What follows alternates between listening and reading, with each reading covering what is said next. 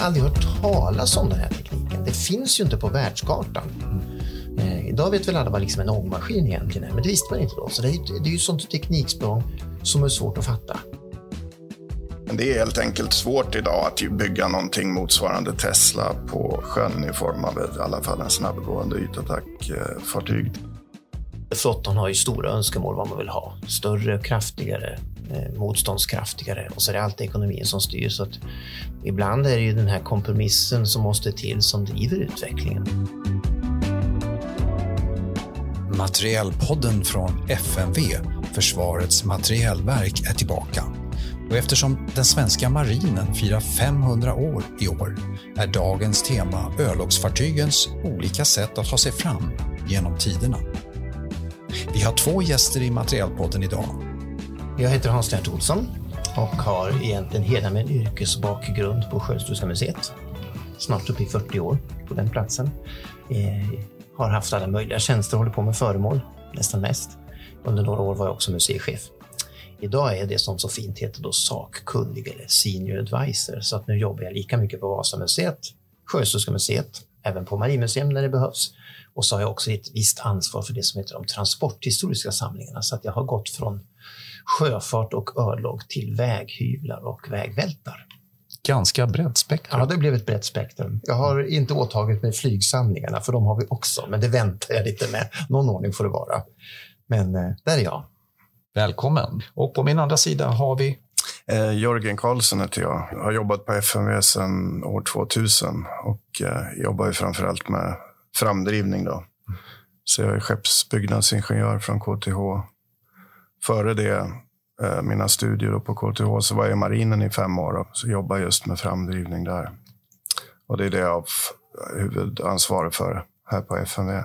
Jag är på fritiden engagerad i museifartyg, då, eh, bland annat T46 som är en bevarad motortorpedbåt som Sjöhistoriska för övrigt är ägare till nu. Um, jag hörde att du var ute på en liten rundtur här nyligen. Ja, vi hade en veteranbåtsfestival nu i helgen. Så där träffade jag även på Hans Lennart i vimlet. Och, I regnet? I regnet, ja. Ja, det var lyckat i övrigt, trots vädret. Precis. Vädret är ju en ganska viktig faktor när, man, när vi pratar om marina saker, eller hur? Jo. Mm. Om marinen firar 500 år så har de varit otroligt väderberoende i nästan 400. Det kan man ju säga. Alltså då, ja, för att... Innan vi kommer liksom in till Jörgens område, när man har sin egen framdrift, då är ja. man helt väderberoende. Hela stora flottor är ute och seglar. Och det finns exempel på sjöslag som inte blir av därför att det är stiltje. Man kommer aldrig ifatt varann. Man ligger och tittar på varandra på långt avstånd. Så att, eh, och vädret är en väldigt stor faktor. Det är det förstås idag också. Mm. Det är klart, grejerna måste hålla. Ja. Mm. ja, är det stor sjögång så blir det mm. svårt för alla förstås. Mm. Då är det Jörgens killar som måste se till att det sitter fast. att det håller. Det är ja. så. Man tror ju ibland att, att bara för att man har stora fartyg och stål, att det är liksom för evigt naturen kan man besegra, men det är ju mm. faktiskt inte så. Nej, det måste jag hålla med. Det är stora båtar, stora problem kan man säga på många olika sätt. Och han, eh, vad heter han, eh, som byggde de här båtarna, Bris, han, eh, mm. Lundin. Yr, Lundin, ja, Yrvin nu för tiden. Ja, det är hans tes. Han bygger väldigt små segelbåtar, bara 3-4 meter långa. Och då blir ju spänningarna i skrovbalken hanterbara. De kan tumla eh, runt i vågorna till och med. Va? Precis. Mm. Så att uh, bygga stora fartyg, det är som att bygga en stor legokonstruktion. Då blir krafterna lokalt enorma. Då. Man mm. måste ha hög uh, hållfast stål och, eller kolfiber för att få det att hålla. Mm. Och det är mycket krafterna från havet då, när man åker på ytan. Då. Ubåtar är utsatta för tryck och så, klarar sig från. Men att just vara i gränsmediet mellan luft och vatten är ju det är utsatt för väder och det blir stora energier i mm. vågorna. Då tänkte jag att vi skulle ta ett kliv tillbaka i historien. Vi pratar ju lite grann i, i, i skenet av marinens 500-årsjubileum i det här programmet. Och eh, det pratas ju om att, att det var just att det blev 500 år, att det var då 1522 så var det en leverans av eh, ett antal bestyckade fartyg. Jag tror det var, var det tio stycken. Man tror det. Det finns uppgifter som säger 12 eller 13. Mm. Men 10 är det som liksom får gälla idag. Mm. Vad var uppkomsten till den där? Ja, men det finns ju en, en, det har ju funnits en önskan då att, att Sverige ska vara självständigt från Danmark. Mm. Eh, det är kung Kristian den andre som vi kallar för Kristian Tyrann, men danskarna kallar det för Kristian den gode. Mm. Eh, han har ju då kontrollen över Sverige och så försöker man på olika sätt. Alltså, Sten Sture den yngre är ju en sån som försöker kasta ut danskarna men misslyckas. Och så, han dör så småningom och så sitter hans fru Kristina Gyllenstierna sitter på Stockholms slott och försöker hålla det mot danskarna men det klarar hon inte utan de tar in Stockholm och så kommer det här Stockholms blodbad där man där Christian Tyrann då i princip avrättar alla högre svenska adelsmän och biskopar, alla de kan egentligen komma åt. Det var en liten fälla där. Ja, det var en riktig fälla. En riktig fuling kan man säga. Mm. Det var ett dåligt after work. Sådär, Ja, man kallar det. Men, men det gör ju då att då, får, då håller ju danskarna kontrollen. De brukar säga att, att, att den här Sten Sture den yngre, han har en del fartyg. Mm. Det finns liksom en svensk flotta som han är ju riksföreståndare som det heter. Mm. Var den flottan tar vägen när Sten Sture själv dör och hans hustru Kristina kapitulerar i Stockholm, Mm. det vet man inte. Jag tror att det sticker den iväg bort mot Finland, för där är nog inte danskarnas makt så stor. Mm. Utan sen sitter Kristian II då på tronen i Danmark och i Sverige. Och då kommer förstås den här Gustav Eriksson, som vi har Mm. känt till. Han Mm. kommer ju farande. Hans Mm. pappa dör ju där i Stockholms blodbad. Mm. Så han har ju flera anledningar till att, att bekämpa Kristian II. Och det som är det är ju att när Gustav Eriksson börjar förhandla och tänka hur ska jag kunna spöa dansken? Det går ganska bra på land. Men alla städer som har förnödenheter som kommer från sjön, det klarar inte svenskarna utan danskarna kan skicka in trupper och förnödenheter till exempel till Stockholm. De har ett försprång här alltså. De har ett jätteförsprång för de behärskar i princip Östersjön. De här fartygen från Sten Sture den yngre, de vet inte riktigt var de är någonstans och de är nog för få helt enkelt. Så varje gång svenskarna belägrar då Stockholm så kommer det in nya förnödenheter från sjösidan in genom skärgården. Mm. Så gäller ju också alla kuststäder. Mm. Kristian den andre, han har ju då en bra kontroll över svenska gruvorna Mm. och svenska handeln. Järnet är ju jätteviktigt. Mm. I södra Östersjön finns Hansan fortfarande. Den har ju funnits sedan 1300-talet. Men det är Mm. ju, kan man säga, det är en, är ju en kung som vill ha ett kungarike. Hansan är ju som ett handelsmonopol. Mm. Eh, och de kanske tycker att den där dansken har lite för stor makt.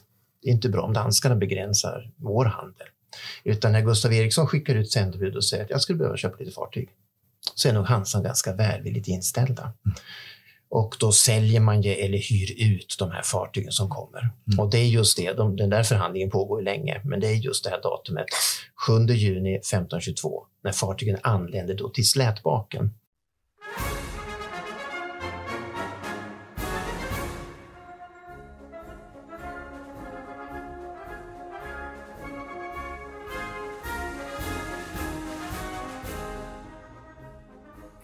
Och Slätbaken utanför Söderköping den är ju då under svensk kontroll. Lite längre ut i Slätbaken ligger Stegeborgs fästning. Och befälhavaren på Stegeborgs fästning som heter Bernt von Melen, han har bytt sida. Han var ju en dansk befälhavare, men han bytte sida och tyckte det var bättre att gå över till svenskarna för de är så många här. Och det gör ju då att, att Slätbaken är ju perfekt. Där ligger Stegeborg som ett lås en bit ut Mm. och så ligger ju Söderköping längre in. Och då finns det ju förnödenheter, färskvatten, skyddat vatten. Så det är klart att de här lybska fartygen kommer till Slätbaken. Och sen hur det gick till och hur det såg ut, det vet vi liksom inte. Men att kungen var där och tog emot dem förstår vi då. Och det där är ja, 10, 12 eller 13 fartyg. Eh, det som jag brukar tycka är fascinerande för man tittar på namnen på dem. De här fartygen har ju sällan egen namn. De heter ju inte som nu då med, med Göteborg och så. De heter ju efter, namn efter vilka som äger den. Mm. Så det finns Hans Burmeisters skepp Mm. och så finns en som heter Karsten Tådes skepp. Alltså nästan alla de här fartygen är döpta efter den som har ägt dem eller äger dem. Och som säkert i många fall också är skeppare ombord. Så jag skulle säga att jag gissar att den, den första svenska flottan, där pratar man tyska. För Gustav Vasa när han kommer med sina dalmasar och riddare och allting, han har ju inga tränade besättningar utan han sätter ombord folk som kommunicerar och så är det de här fartygens besättningar. Ja, han fick helt enkelt utnyttja det, det som fanns. helt Ja, enkelt. där. verkligen sådär. Det är inte bara Bareboat Charter utan han köpte liksom hela, hela kittet. Fick Mm. han. Ja. Och det är de här tillfallen. Så det, det är just det som gör flottans födelsedag. Sen hyr han in ytterligare fartyg och det kommer fartyg senare. Den här, man brukar prata om Lybske Svan som det stora kungens flaggskepp. Den kommer först i september 1522. Så det är en liten skara fartyg som samlas ihop då här Mm. på slätbaken och sen börjar de manövrera tillsammans och leta efter danskar. Och redan då på hösten 1522 så möter de en dansk transportflotta på väg till Stockholm. Och det är 27 transportfartyg som eskorteras av danska örlogsfartyg. Och de här libyska fartygen då under svenskt befäl, de lyckas ganska bra. Mm. Så de danska örlogsfartygen jagas iväg. Och så lyckas man ta faktiskt då 27 transportfartyg som ska till Stockholm. Med, med, last, 22. med last. Med last och förnödenheter och Mm. säker ammunition och allt möjligt som de behövde i Stockholm. Och Stockholm är ju då belägrat. Så det är klart att Det var en stor framgång alltså. en jätteframgång. Mm. Man visar liksom flottans betydelse redan Mm. då. Och det gör ju sen att Stockholm faller ju. Svenskarna intar ju Stockholm den 17 juni 1523. Och kungen han väntar ju liksom han är ju duktig Gustav Vasa på PR, så att han väntar då till midsommardagen 1523, 24 juni. Då gör han sitt högtidliga intåg i Stockholm. Och då brukar jag säga, då, om vi ska fira fler jubileum, eh, 17 juni så förtöjer då den här flottan när, Sto- när Stockholm har fallit. Det är egentligen marinbasens födelse. Den första svenska marinbasen är ju då vid Stockholms slott. Så det är bra. Hur många fartyg vet vi inte, men kanske ett 20-tal kom in. Spännande. Mm. Det var alltså starten kan man säga då. Kan man säga. Du, Det är det man räknar som starten på svenska flottan. Och eftersom vi, pratar, vi sitter på FMV här och pratar eh, det här. Vi brukar säga att vi, vi lite grann har anor tillbaka till den här tiden. Mm. Och, eh, det började byggas lite sådana här fartyg i Sverige på, Mm. på den tiden. Mm. När, när säger man att de första dök upp eh, i, i den, i den Och det är ganska snart efteråt. Det är det? Ja, ja. Det, finns ju, det finns ju en skeppsbyggnadstradition i Sverige. Mm. Det gör ju sedan gammalt. Sen vikingatid brukar man ju säga sådär. Eh, och det är klart att när Gustav Vasa de får in de här, det, vad det nu är för typer, holkar eller koggar eller vilka fartygstyper, så är det klart att man beställer ju flera. Dels köper man in ännu fler. Sen i de sjöslag som man vinner så ser man ju verkligen till att erövra. Så kommer influenser, vilka är bra, vilka är dåliga, vilka funkar. Och sen läggs det ut beställningar och det sker ganska tidigt då på 1500-talet. Så börjar man beställa på de varv som finns och på de områden förstås som är svenskkontrollerade. Mm. Så det kommer tidigt. Och det kan vara, vi tror ju att det är någon sorts stora fartyg, de är inte stora de här fartygen, de ligger på en 300-400 ton.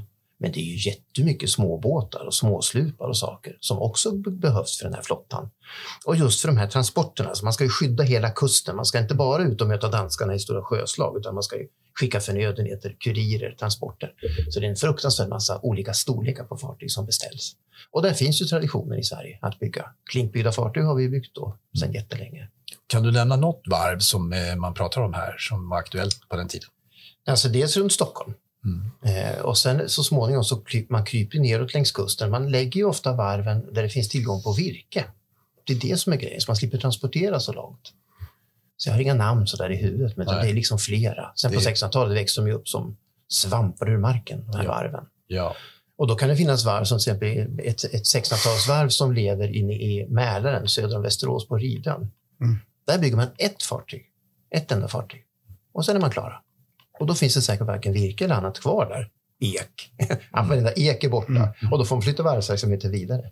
Sen finns ju de här stora etablerade varven där man liksom fraktar dit eken och så. Men i början så bygger man småskaligt och där det finns virke Mm. och tillgång på folk. Precis. Vi pratade, du nämnde att det var en hel del olika typer av fartyg här och vi, vi, vi pratade vi pratar ju framdriften här och då är det ju segel vi pratar om här. Eh, men det finns ju även andra typer av, av eh, framdrivning kan jag tänka mig. Eh. Men det är väl de här galärerna jag tänker på. Mm. Turuma eller Turuma, hur Ja, får man ju det? se. Nej, Ja, får har väl inte så mycket. Antingen blåser det Ja, just det. eller också får man ro. Ja. Det är nog så man, det är det jag säger, man, man är väldigt väderberoende. Mm. Eh, man kan säga att om man låg där inne på slätbaken i skyddat vatten så fick man nästan vänta på bra vind för att lämna slätbaken. Mm. Så det, det kan ju vara ett ödets nyck det här att man lyckas segla ut och möta en dansk flotta Mm. hösten 1522. Det kan ju blåsa åt helt fel håll som man aldrig kom upp till och danskarna seglade in i lugn och ro. Ja. Utan sen de här stora fartygen från Lübeck, ja, men de kan nog varpa sig fram. De kan nog Mm. dra sig fram med ankar. Jag tror inte de rodde de där stora, man kunde Nej. boxera dem. Men sen alla de här små båtarna, slupar och allt vad man har, små lodjor kallas det ju också en del. De ror man. Och, och framförallt i våra skärgårdsvatten, både på svenska sidan och finska sidan, så är ju roddfartyget det är ju outstanding. Och så går ju det vidare då till att bli galärer, mer fulländade roddfartyg. Till de stora då som man kallar för skärgårdsfregatterna som kommer i slutet av 1700-talet. De är ju ypperliga roddfartyg.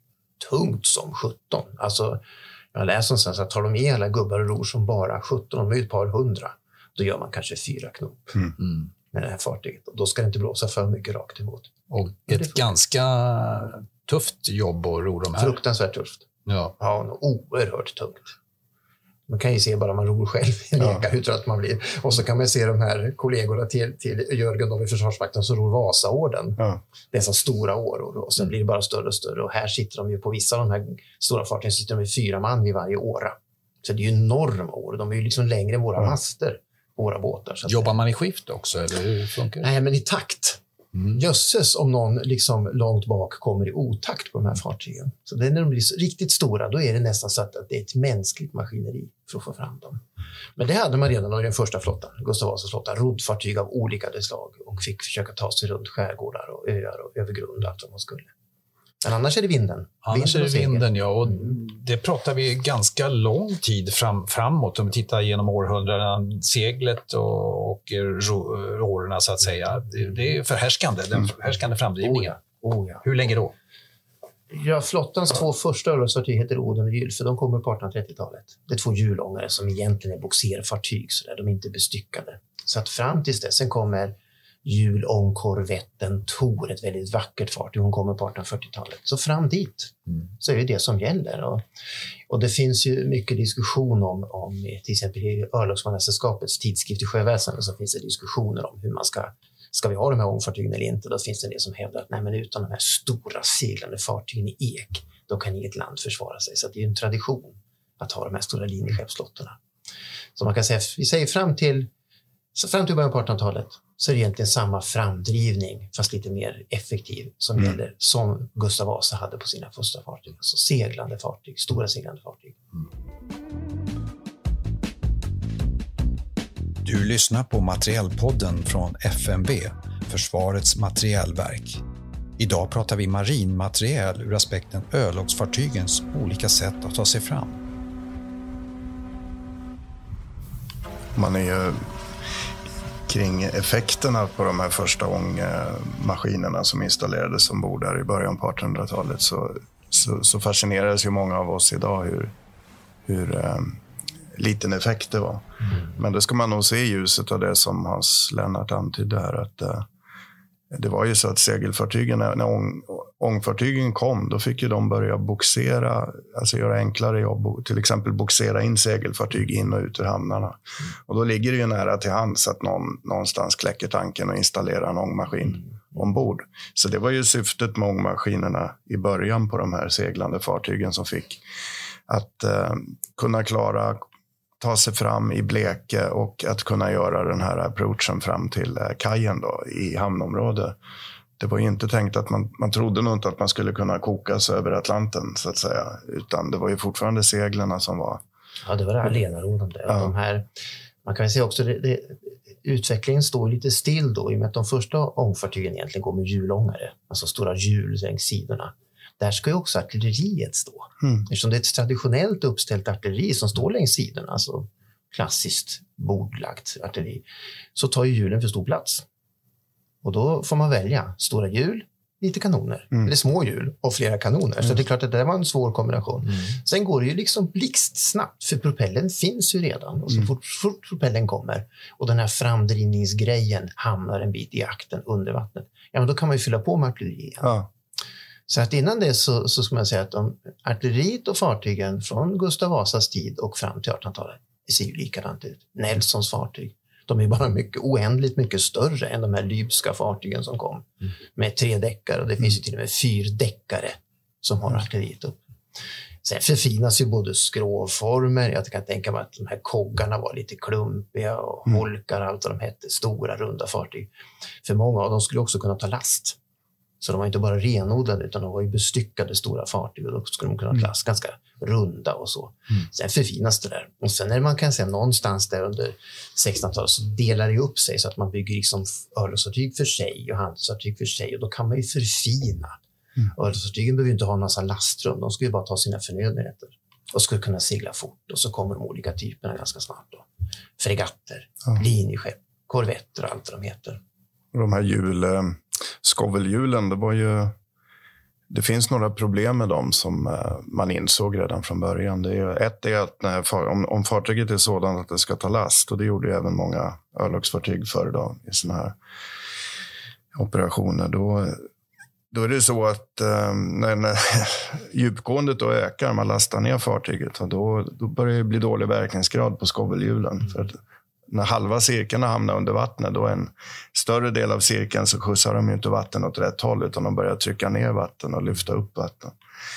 Och sen när de kommer ut i sjö också och fartyget rullar, då blir det ju så att det ventilerar på ena sidan och andra begravs i ett vågberg och andra. Så då blir det en massa mm. förluster där. Mm.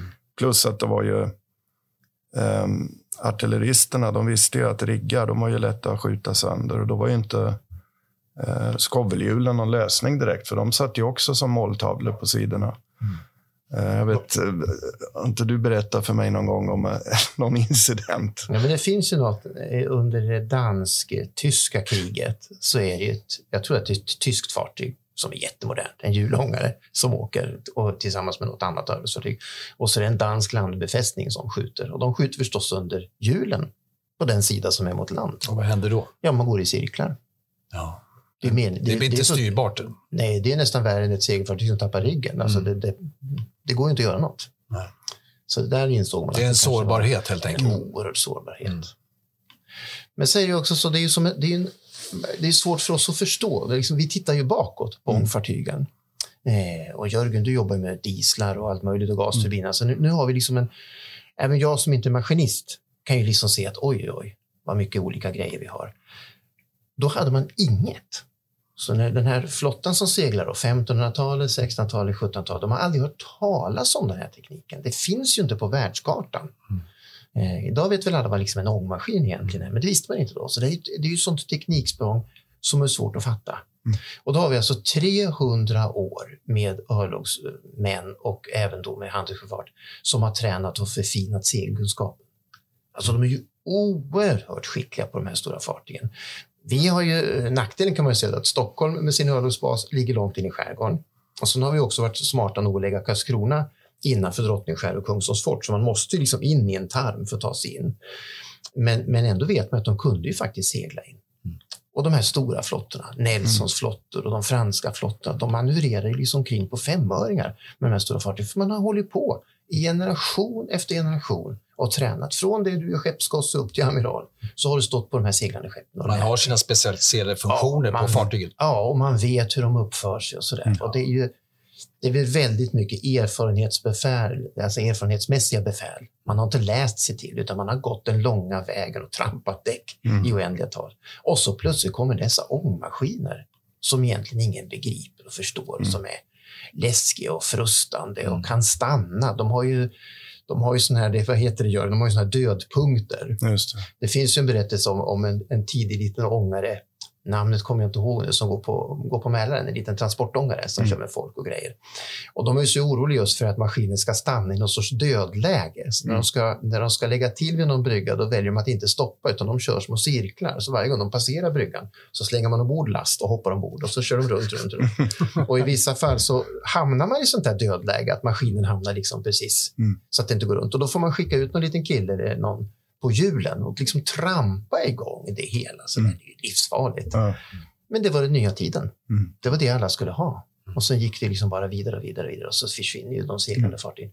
De finns ju kvar då som övningsfartyg, för det hade man ju fortfarande, tycker man än idag då, att det här att ett, ett, bra befäl har ju någon gång seglat på ett fartyg, oavsett om de sen är på en ubåt mm. eller en kustkorvett. Men det är också det här med att det, i det här skiftet som sker mellan de här två teknikerna så att säga, seglånga, eh, så sker det väl en, man vågar inte riktigt lita på, på ångan där, utan man har Nej. både och. Va? Mm. det var ju en hjälp motorinstallation kan man säga, eller mm. maskininstallation. Just för att klara bleke och kunna ta sig in och ut ur hamnar. Och, och så. Det var nog inte många då i början som trodde att det skulle bli huvudframdrivningen det där, utan det var ju för att klara de här bristerna i just dåligt med vind och upp i hamninlopp och sånt där. Mm.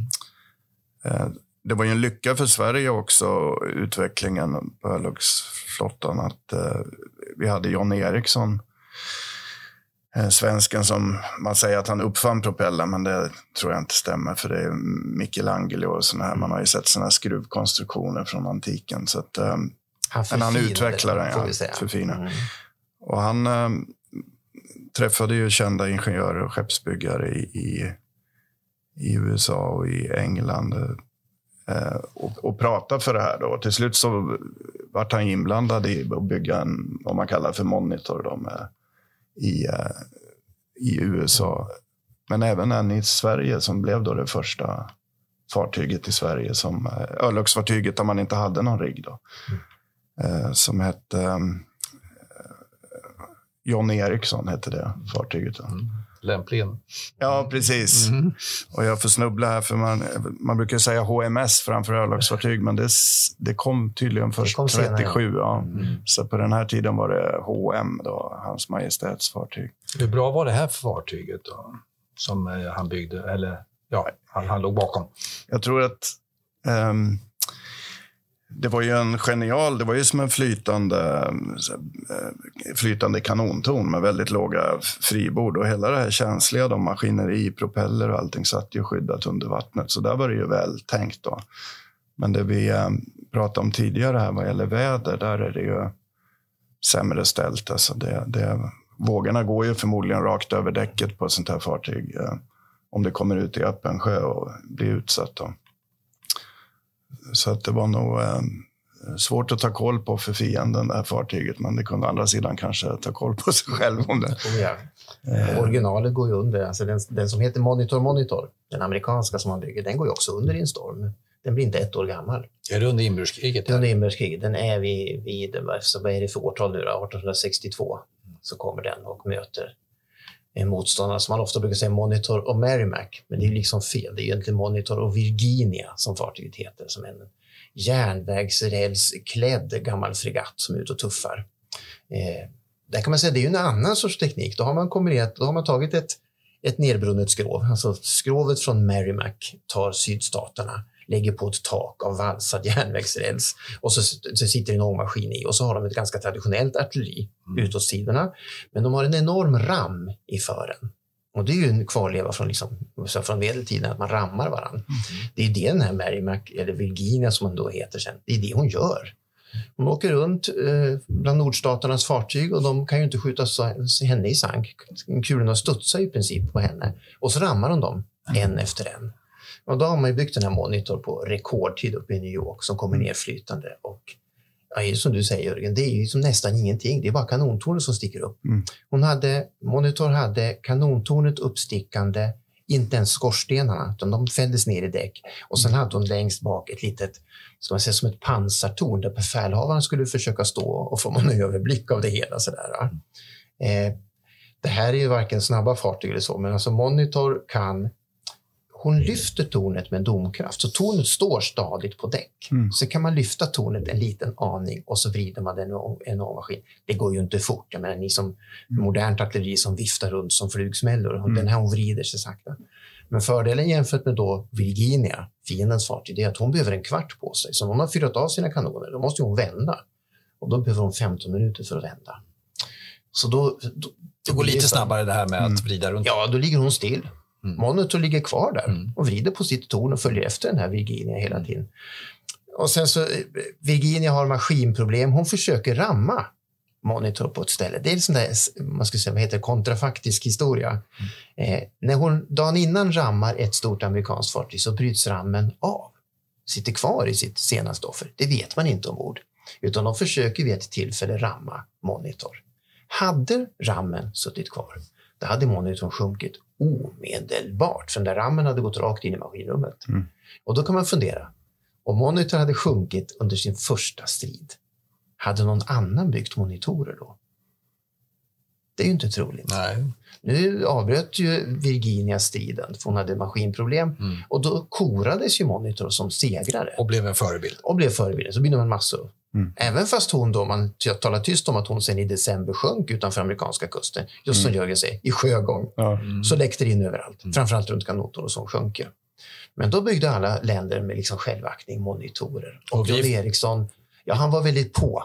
Så han skänkte ritningarna och de första kanonerna till den svenska monitorn och så fick den då heta Hans Majestäts pansarbåt, tror jag de klassade Just det, henne. pansarbåt, ja. Pansarbåt. Alltså det HMS som vi säger idag, det fanns inte. Man sa Hans Majestät och sen var det för typ, vad det var för typ och då var det Hans Majestät pansarbåt John Eriksson. Som fick tre systrar. Men var inte Sverige långt framme här? Man tänker att det var, så, det var ju bara ett par år efter USS Monitor som man byggde 1865, då, John Eriksson. Mm. Det slog mig att vi här uppe i, i Norden var så snabba på den här Ja. ultramoderna designen då. Jag tror att det är den här svenskättlingen som påverkar och ligger på. Ja, Alltså, mitt, mitt gamla hemland ska Mm. ha en sån här otroligt modern skapelse. Men sen bygger ju flera. Mm. Ryssarna bygger enorma. Engelsmännen bygger ju ganska långt fram monitorer. De Ja. älskar den typen för kustnära operationer. Och så. Just det, den passade bättre alltså i, i lite mer kustnära, som i svenska skärgården Ja, och precis. Östersjön. Mm. Är den bättre alltså än i Ja, Den kan amerikanska? man säga att den ersatte egentligen galärer och skärgårdsfregatter. Alltså roddfartygen som uppträdde i skärgårdsmiljö. Kunde du tuffa omkring där. Fanns det bara bränsle så tuffade de fram där bakom Mm. öarna. I skyddade. Och där är det ju Ja. ingen sjögång i Nej. vanliga fall. Precis. Så, och det är ju också ett helt, det är liksom, skrovmässigt är det också ett helt stort teknikskifte Mm. från de stora träfartygen till att bygga fartyg i stål. Eller järn är det väl snarare på den tiden, järn och pansarplåt. Då finns det liksom 300 års erfarenhet av att bygga fantastiska fartyg i trä. Och det gör man ju ända in.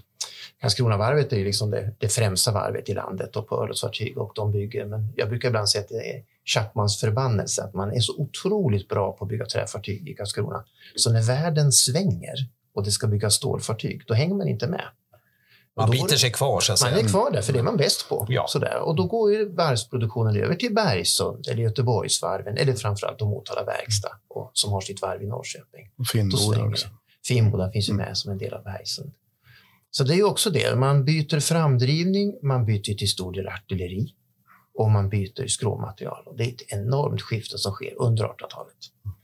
Skulle jag någon gång sätta mig på min kammare och forska, då är det 1800-talet jag skulle forska i. Jag tycker det är så oerhört spännande när allt det här byter. Och byter fort. Man hinner knappast med i utvecklingen. Man gör ju massa knäppa grejer också. Hjulångarna är ju lite Mm. roliga, men de är ju inte smarta. Nej.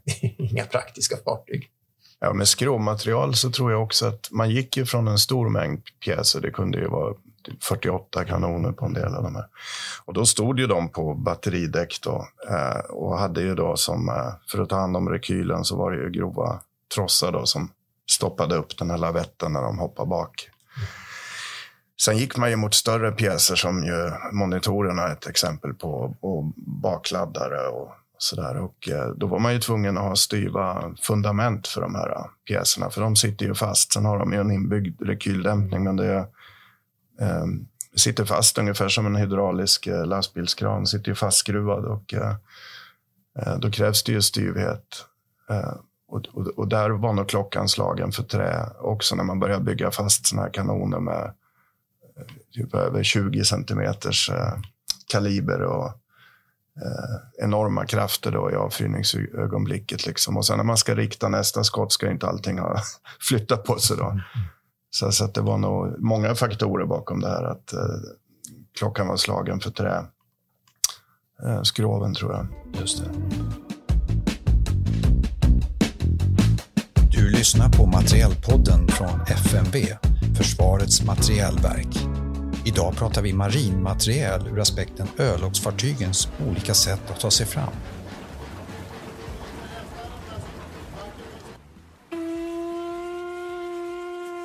Mm. Jag tänkte på, vi kan backa tillbaka lite grann det här med ångan också kring, det fanns lite olika teknik där med eldrörspannor och vattenrörspannor och grejer. Det är lite olika teknik där vad jag förstår Jörgen.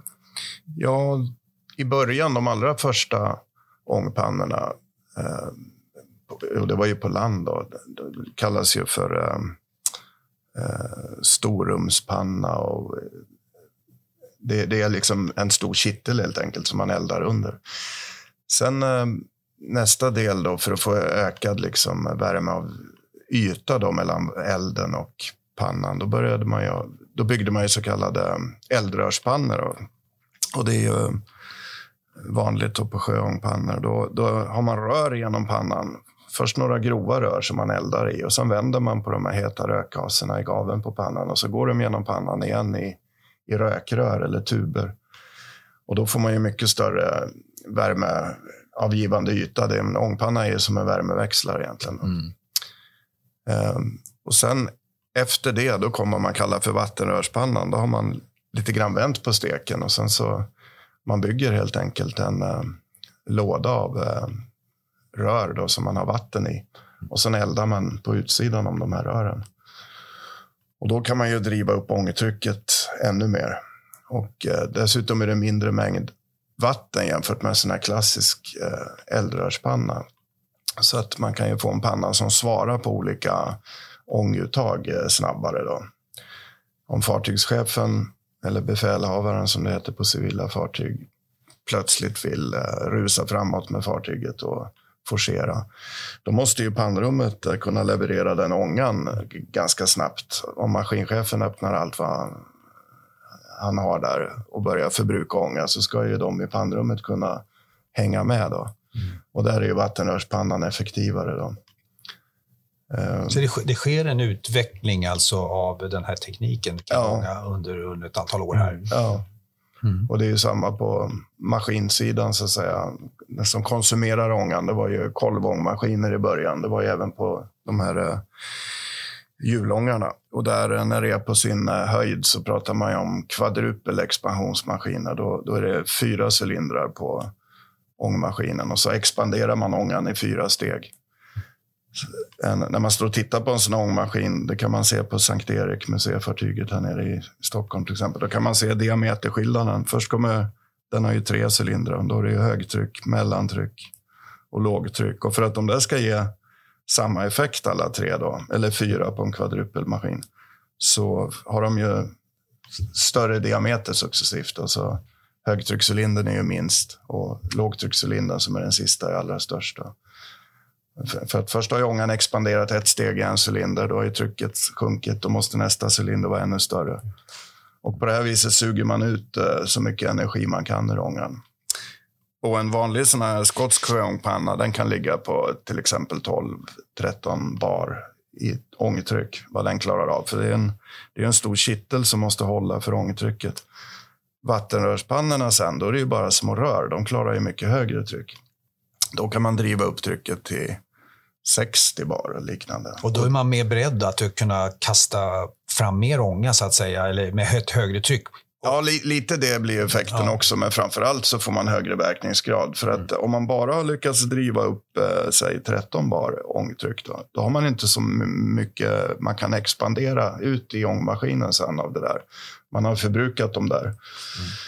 Men eh, ju högre tryck, desto fler steg kan man låta ångan expandera sen i, i turbinen, ångturbinen eller i kolvångmaskinen. Då, och då får man ju bättre verkningsgrad. Så de här första ångmaskinerna, de, de slukade ju kol. Eh, och som sagt, de var ju mest tänkt för att kunna ta sig igenom bleke och, och så. Men, eh, men sen när ångmaskinen blev så att säga huvudframdriftskällan, då, då blev utvecklingen snabbare och högre ångtryck. Och man gick från, eh, som sagt, eldrörspanna till vattenrörspanna och från kol till oljeeldning och från kolvångmaskiner till ångturbiner. Och, um, ångturbiner finns ju kvar än idag i uh, en del civila båtar faktiskt, uh, och militära också. Om man vill få högre så att säga, fart på fartygen mm så går, där finns det en begränsning på ångan vad jag förstår här. Man kan, det blir, de blir så stora vad jag förstår. Ja, det stämmer att um, kolvångmaskiner i snabbgående örlogsfartyg så når man ju lite grann en begränsning. När man börjar komma upp till säg 5000 hästkrafter på en ångmaskin, kolvångmaskin, då blir den enorm. Det man ser framför sig då, det är en maskin som är två våningar hög. Um, och eh, då, då kom ju ångturbinen där och det var ju redan i slutet på 1800-talet som en ingenjör, Parson, eh, demonstrerar ångturbinens eh, höga effekt och lilla volym i ett fartyg som heter Turbinia. Det var en, lite grann en revolution här inom... Ja. Mm. Och den där pilade ju fram mellan, på, på en uh, mässa, tror jag att det var, eller någon industri. Mm. Så han lät ju visa upp den där, för jag tror det var uh, amiralitetet i, i England, men jag är osäker. Um, och den, den for ju fram som en... Uh, pilade ju runt alla de här andra båtarna. Då. Och det där um, ledde ju till att den här tekniken blev vanlig i, krigsfartyg, sen örlogsfartyg. Um, för att ångturbinen då, den, den uh, dels kunde man ge den högre verkningsgrad, men även mindre och lättare. Än, mm. Så när man skulle ha ut stora effekter då, så blev ju ångturbinen uh, alena rådande. Och de sista jagarna vi utvecklade i Sverige, det var ju den här, den här klassen Halland och Småland. Det var ju ångturbinmaskineri med vattenrörspannor. Då. Och det finns militära fartyg än idag som har ångturbin. Alla de här, eh, ja, ta till exempel en eh, sån här heter det, atomdriven hangarfartyg. Det är ju, det är ju en eh, atomdriven ångpanna och sen driver det ju en ångturbin, då, eller flera. Så att ånga låter ju sådär lite historiskt uh, ibland när man pratar om ångteknik och så, men det är ju den teknik som våra kärnkraftverk bygger på vanligen idag. Mm. Ja, vad jag förstår Hans Lennart, så har du, eh, när du gjorde lumpen så var du på ett svenskt mm. Eh, örlogsfartyg som hade den här... Jag hade en himla tur rent utav. Utan jag var ju lagd då 1982. Gjorde jag min värnplikt, eller 81 ryckte jag in och sen hamnade jag på jagaren Halland. Som var den sista i driftvarande då. Så jag, jag utbildades faktiskt i turbinmekaniker, som det så fint hette. Eh, och vi hade ju ångturbiner och stora vattenrörspannor. Mm. Det som är roligt är ju i, i man ska alltid göra reklam för att gå på museum, men allt det här Jörgen pratar om går ju faktiskt att se. Mm. Eh, kommer man till exempel till Galärvarvet och tittar på, på den stora tändern Sprängaren från 1918, då har vi en eldrörspanna och visst är det en tvåcylindrig maskin i henne. Ja. En kolvångmaskin. Så då kan man se liksom en militär kolvångmaskin. Är inte hon där, då kan man nästan gå ombord på vilken skärgårdsångare som helst. För mm. de har nästan alltid just sådana eldrörspannor och olika former av kom, om compoundmaskiner, alltså tvåcylindriga. Det finns det någon till och med som har en trippelexpansionsmaskin. Mm. Finns det inte så, Jörgen? Någon av dem har väl en trippel, säger i alla fall. Ja, är det...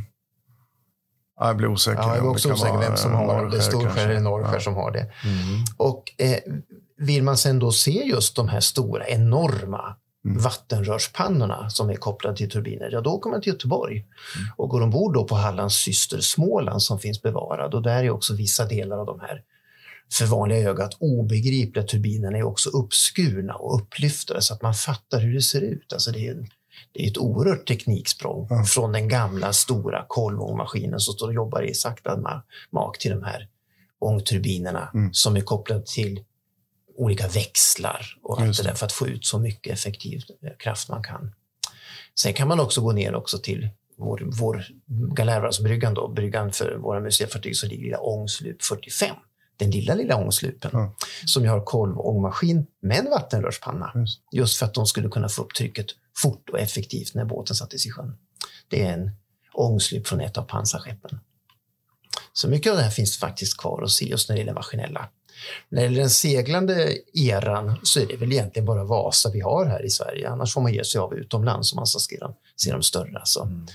Victory, som är ett, ett sent 1700-talsfartyg, alltså Nelsons Victory, mm. finns ju bevarat i London. Men vi har ju våran Vasa att titta på. Även om hon var misslyckad så som seglare så var ju ändå ett lyckat öl. Så du brukar säga att hon, hon fullgör ju fortfarande sin uppgift. Alltså, mm. Vasa var ju ett, ett hiskeligt örlogsfartyg även om hon då var felkonstruerad som kapsejsade. Men hennes uppgift var ju dels att eskortera trupper och att bevaka sjövägarna. Och sen hennes enorma utsmyckning, den var ju till för att imponera, både imponera och avskräcka. Alltså den, den som möter ett örlogsfartyg som fullständigt kryllar av färgglada gubbar och gummor och mytiska eh, liksom, figurer. Hon är överöst med det. Om ni ser modellen som finns där så ser ni vilken färgprakt. Det ser inte egentligen klokt ut sådär. Så var ju hennes uppgift att imponera på utlänningarna. De vi inte var i krig med skulle tänka så här, herregud, tänk dessa svenskar, vilka fartyg de kan bygga. Och den uppgiften följer hon ju fortfarande. Är det inte pandemier så kommer det en och en halv miljon besökare och tänker, herregud, mm. de kanske inte blir så avskräckta. Men du måste ju ändå tänka sig att det där Sverige på 1600-talet, det var ett makalöst Ja. land. Så hon fortsätter liksom imponera på polacker och tyskar och ryssar. Ja, nu kommer inga ryssar, men förr gjorde det det. Så hon finns ju bevarad och det är väldigt roligt. jag var faktiskt där i helgen och tänkte det. Jag har inte varit på Vasamuseet på 15 år. Så att jag gick in, och det var ju 200 meters kö, då. kö upp till, till Nordiska museet. Så det har jag inte tänkt på. Nej, än. så hon gör ju fortfarande tjänst kan man säga. Även om då är en annan myndighet än marinen som äger henne. Men det, det är lite roligt.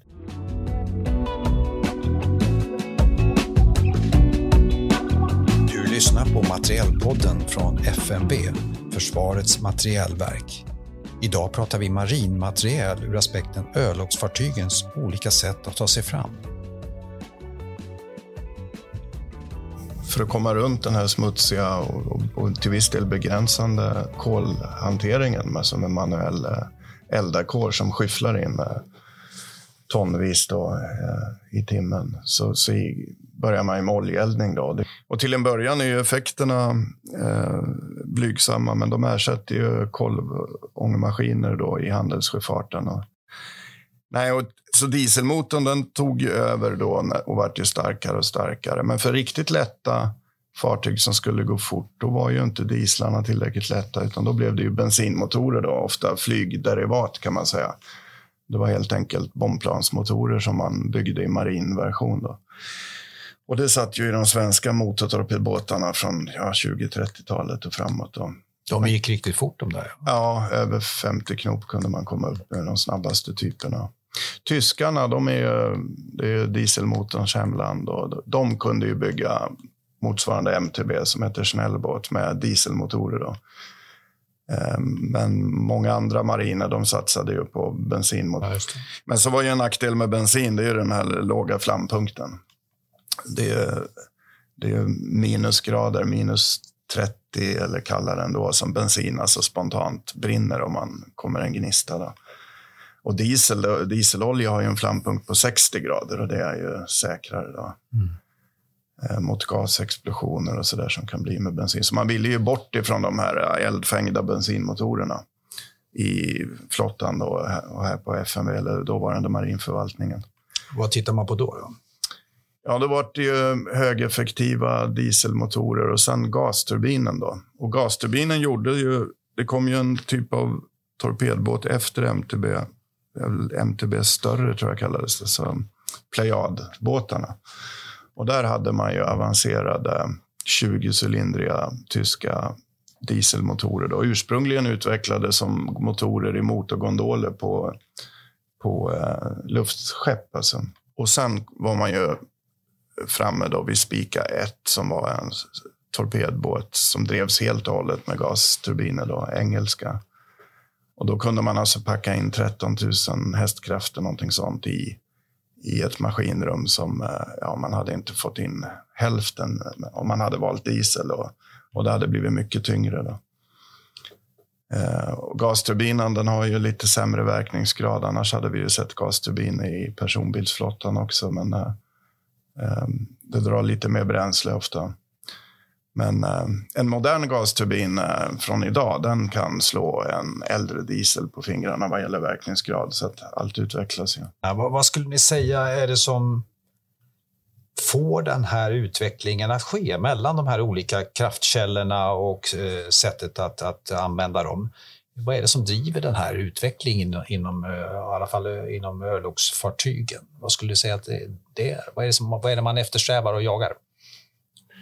Ja, man eftersträvar, ofta är det ju kostnader som är, in, som är ett inspel i det hela. Att man, man, marinen eller flottan har ju stora önskemål vad man vill ha. Större, kraftigare, eh, motståndskraftigare och så är det alltid ekonomin som styr. Så att ibland är det ju den här kompromissen som måste till som driver utvecklingen. Att man, man kan inte bara bygga på som man har gjort innan utan det blir för dyrt och stort. Och då kommer de här olika förslagen, det som Jörgen berättar, att man går från diesel till gasturbin och allt. Ehm, Jag brukar alltid tycka det är intressant, man går just i våra samlingar så att vet man ju att flottan då när det gäller maskindrivna tiden, flottan har alltid velat haft kryssare. Det är alltid Mm. bra. Gärna slagskepp också, Mm. men vi fick ju några pansarskepp. Så vill man ha kryssare och så vill man samtidigt ha torpedbåtar. Och då vart ju kompromissen det som är typiskt svenskt, torpedkryssarna som kom i slutet på 1800-talet. En kompromiss då, tor- stor torpedbåt och kryssare. Eh, sen vill man ju ha minfartyg. Som ska lägga ut minor. Man vill fortfarande ha kryssare och så småningom får man ju då minkryssaren Claes Fleming som liksom en kombination en liten kryssare som också kan lägga minor. Och så har ju alltid drömmen funnits. Nu kanske det inte finns, men drömmen fanns ju länge i svenska flottan att få ett hangarfartyg, ett eller två. Man hade ju några ballongfartyg mm. och så ville man fortfarande ha kryssare, så då blev kompromissen flygplanskryssaren Gotland som ju också var ett mycket speciellt fartyg. Så ibland är det de här kompromisserna som just för svensk del har styrts av ekonomi och vad riksdagen har tyckt och så där. Och det, det, det ser man ju också faktiskt i, i ång, eh, ångdriftens början så, så är man ju lite tveksam och det är ekonomin som styr. Ska vi satsa på de här? Nu har vi byggt två då. Ång, hjulångare, Oden och Gylfe på 1830-talet. Ska vi bygga fler? Nej, vi väntar och ser. Då. Och på stapelbädden i Karlskrona så ligger linjeskeppet Stock Stockholm och så bredvid henne så ligger linjeskeppet Skandinavien, två enorma bästar i 4000 ekar har gått åt för att bygga dem där och de ligger där. Eh, Stockholm ligger väl på stapelbädden i nästan 20 år och så säger man, nej men ska vi fortsätta, det ska vi göra. Och så säger flottan, men det här med ångfartyg är ju lite spännande. Så man håller på byggt på Stockholm i evinnerlig tid och då river man hela akterskeppet och sätter in en ångmaskin och en propeller. Och så sjösätts då Skruvlinjeskeppet Stockholm. Bara namnet säger ju att det var en dinosaurie när hon kom. Men det var ju ett mm. försök och då blev det som du sa att den maskinen var ju till för att köra henne in och ut ur hamn. Mm. Och så fort man kom ut då i Rumsjö som man sa, då satte man segel. Mm. Så man håller på så där och kompromissa hela tiden.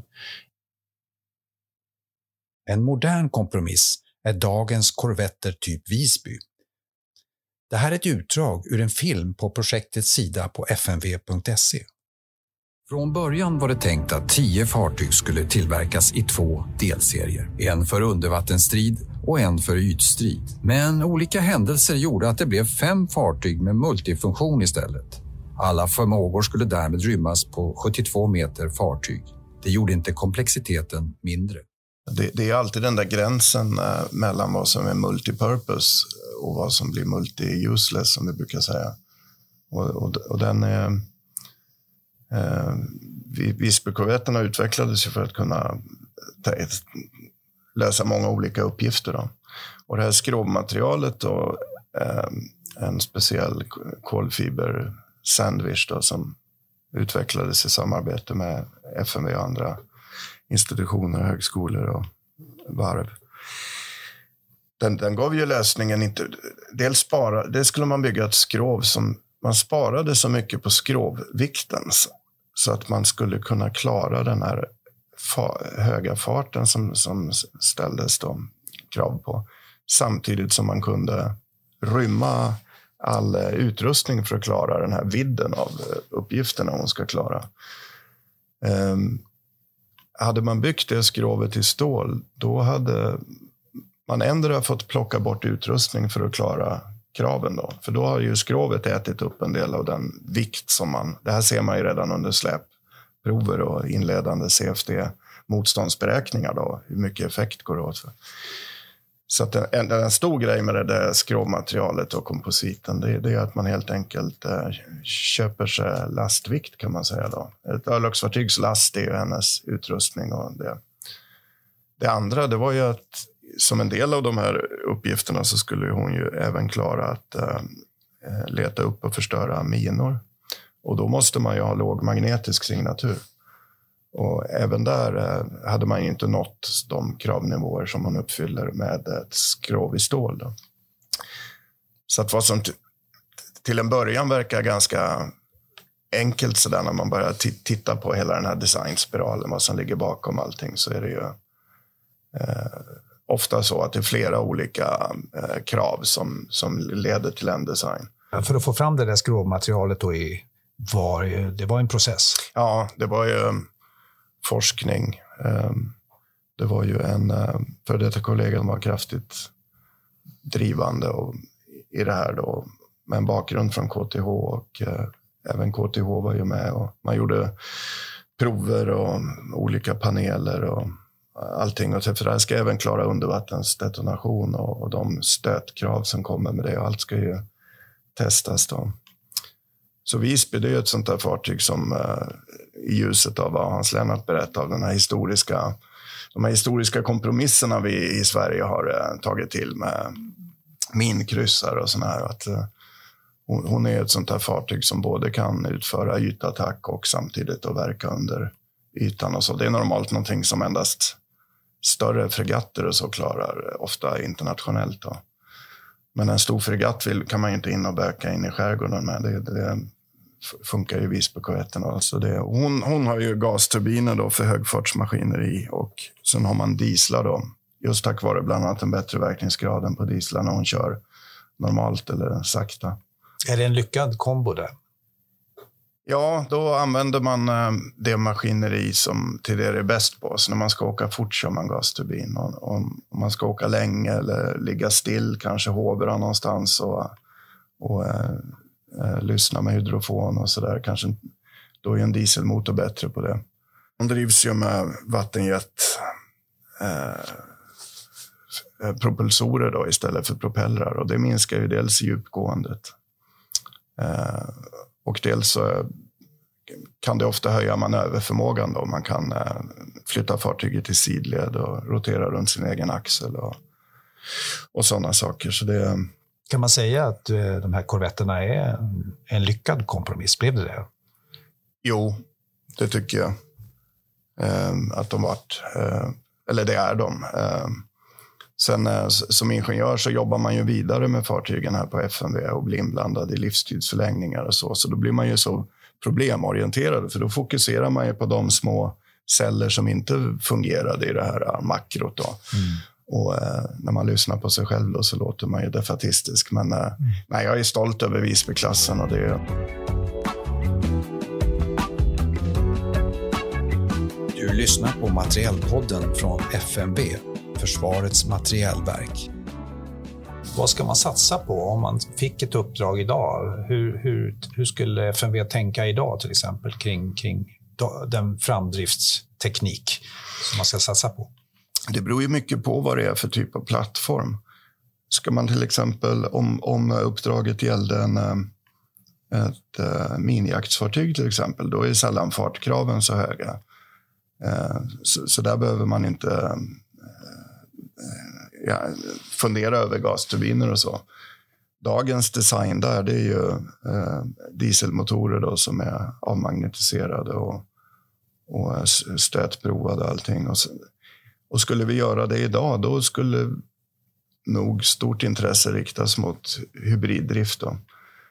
Genom att eh, kunna driva mm, framdriftskällorna, propellrar eller vattenjet eller Voigt Schneider eller vad man har för propulsorer med E-, elmotorer, permanent elmotorer. Och sen eh, tillverkar man strömmen ombord med dieselmotorer är ju det mest beprövade idag. Och de går ju att köra även på HVO för att minska Eh, CO2-tryck. Och sen kan man ha batteripackar för sån här så kallad peak shaving. Så att, eh, då behöver man inte dimensionera motorerna för kortfristiga stora laster, då, till exempel när man kör med en bogpropeller och så, utan då ligger batteripackarna där och kapar de topparna. Och så får man ett gynnsammare driftprofil på dieselmotorn. Ett annat civilt sätt att alstras el idag, det är ju eh, bränsleceller, men de går ju ofta på ja, etanol eller eh, vätgas. Då. Och som ni förstår då på stridsfartyg som där man ska ha en viss eh, skadetålighet och så, så eh, det är ju farliga drivmedel det där, så där måste man tänka. Jag känner inte till någon militär applikation, alltså plattform, bemannad plattform som drivs med vätgas idag. Eh, så att många av de här teknikerna som vi ser civilt då på bussar och så där, att varför kan man inte göra så? Eh, det är inte bara att alla är konservativa i branschen, utan det, det är att de, de här riskerna då. Mm. Man måste tänka på att plattformen ska i värsta fall alltså kunna träffas av finkalibrig eld och spårljus och sånt där. Och, och eh, så, så, det är ett ansvar man har där. Och, och där täcker ju inte de här klassreglerna och såna här normer och så som gäller för civila fartyg så mycket, utan där, där måste man tänka själv, då, vi som är i branschen av eh, örlogsfartyg, att, eh, att bygga in då så mycket säkerhet man kan. Och, och vi jobbar ju även med systemsäkerhet och eh, så, så, så, så man har en rutin för det här, då, hur man fångar upp risker. För det är det med ny teknik som eh, bromsar mest tror jag. Det, det, är det här att man måste sätta in det i kontexten och, och eh, bestämma hur pass försiktig man ska vara. Eh, eh, är det så att vi eh, börjar närma oss någon slags teknikskifte här framöver i framtiden? Står vi inför det, tror ni? Eller hur kommer morgondagens, framtidens framdrift att vara? Jag har inte sett någon sån här ny uppfinning nu i nutid som ens påminner om till exempel eh ångmaskinen eller Stirlingmotorn. Alla det här är 1800-talsuppfinningar, Stirlingmotorn också, som vi har på ubåtar. Det finns ingen, inget nytt så att säga maskinelement så här på himmelen. Utan och egentligen de första bilarna och första motorbåtarna, det var ju eldrivna med blybatterier. Sen kom ju förbränningsmotorn och konkurrerade ut det där. Så det är egentligen tillbaka till en äldre teknik, men nu med mycket högre nivå. Då, permanent elmotorer som är mycket mindre och likströmsskenor och sådana här PMS, eh, Power Management System. Det, det, jag ser är väl att det går nog mer emot elektriskt. Då. Det börjar bli så kraftfulla elmotorer nu och så små förluster så att man i allt fler fartyg faktiskt kan köra elektrisk framdrivning. Då, men eh, med, man tillverkar strömmen ombord med diesel. Då. Så den ska tillverkas? Det är där som den stora frågan är? Ja, det, precis. Och kombinera olika tekniker, det tror jag. Sen är det också det att vi pratar ju nu lite som ett tankefängelse om stora bemannade fartyg. Då. Eh, vad är det som händer nu i framtiden med obemannat och så? Man ser på kriget i Ukraina hur mycket eh, drönare är inblandade i olika händelser där. Eh, det där är ju det här med, med hur ser hotet ut? Om drönare är ett stort hot, då kanske utvecklingen visar sig vara att det är obemannade farkoster, alltså typ drönare som också är bästa sättet att försvara sig mot drönare. Och eh, då ser det ju annorlunda ut helt plötsligt. Om man tänker sig en obemannad ytfarkost som, som kan åka runt och, och spana och och eh, även kanske göra vapeninsatser. Ja, där skulle man ju kanske kunna tillåta sig att ha vätgasdrift och bränslecellsteknik ombord eftersom det är inga människoliv där. Och en, mm. en sån ofta lite mindre farkost, den tål ju inte en direkt träff ändå. Så det spelar ju egentligen stor roll om den uh, goes up in flames eller mm. bara sjunker på vanligt sätt. Mm. Så det är svårt att säga. Jag tror att uh, för snabba större örlogsfartyg så så är det faktiskt så att man får det bästa maskineriet idag med någonting som är rent mekaniskt. Alltså man gör inte om energin från gasturbinen eller dieselmotorn till el. Det låter ju gammalmodigt, men, eh, men det är mycket högre verkningsgrad på moderna gasturbiner och dieselmotorer. Men om jag tolkar det rätt här så, så vi kommer väl, eh, det är brytningstiden, vi kommer att se olika typer antagligen framöver här. Det är inget som kommer att ta total dominans så att säga. Nej, jag tror vi kommer få se utveckling inom befintliga säga, komponenter. Då. Eh, likströmsskena eller sån här DC-grid som det heter nu. Att man tillverkar växelström ombord, sen gör man om dem med likriktare så man har likström i skenan.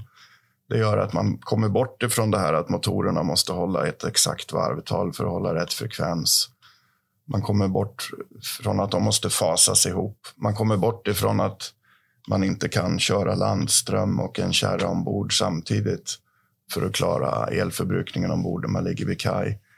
Det där är en teknik som har kommit snabbt nu och som ja. det, det, har vi ju i marinen redan. Det finns många minutläggare och alla ubåtar är dieselelektriska. Eh, så att eh, jag, jag, tror att det kommer gå mer emot mer elektrisk framdrift, för då öppnar man också upp för eh, batterier och bränslecellsteknik då, som alternativ till eh, dieselgeneratorn tillverka ström. Men det är helt enkelt svårt idag att bygga någonting motsvarande Tesla på, på eh, sjön i form av i alla fall en snabbgående ytattackfartyg som exempel. Det, batteriet blir helt enkelt för stort. Då. Men eh, kan man producera så att säga, ombord, då, ja. då blir det en annan sak. Precis, så är det. Och sen kan man då ha batterierna för att mm. ta, kapa av toppar och sånt där. Och, eh, jag tror att man kommer få se mer sånt. Det tror jag man kommer se i en framtida grävmaskin också. Där, mm.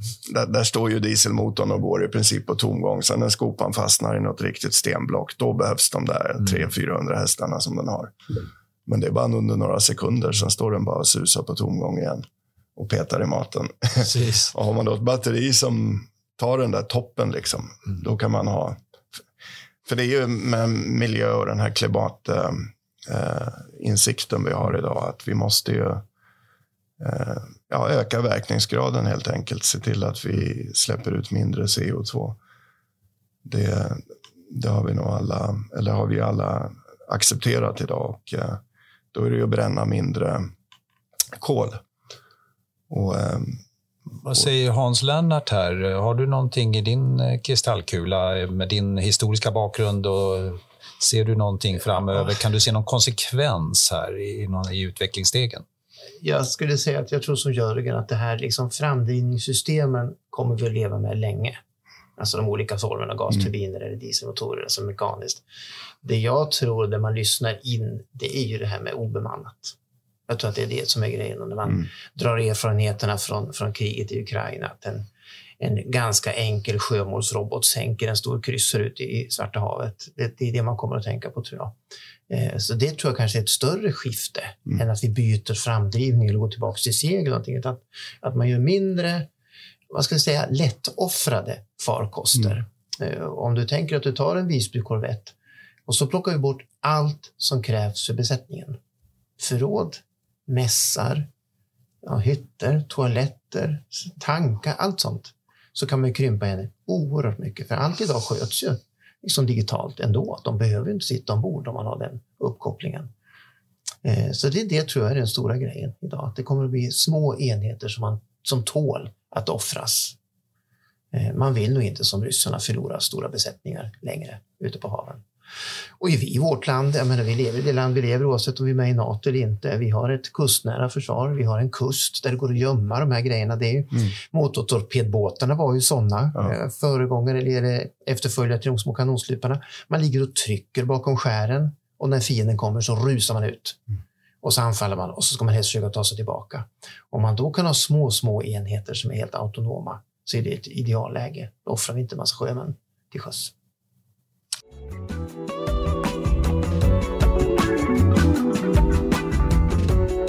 Lyssnat på Materielpodden från Försvarets materielverk.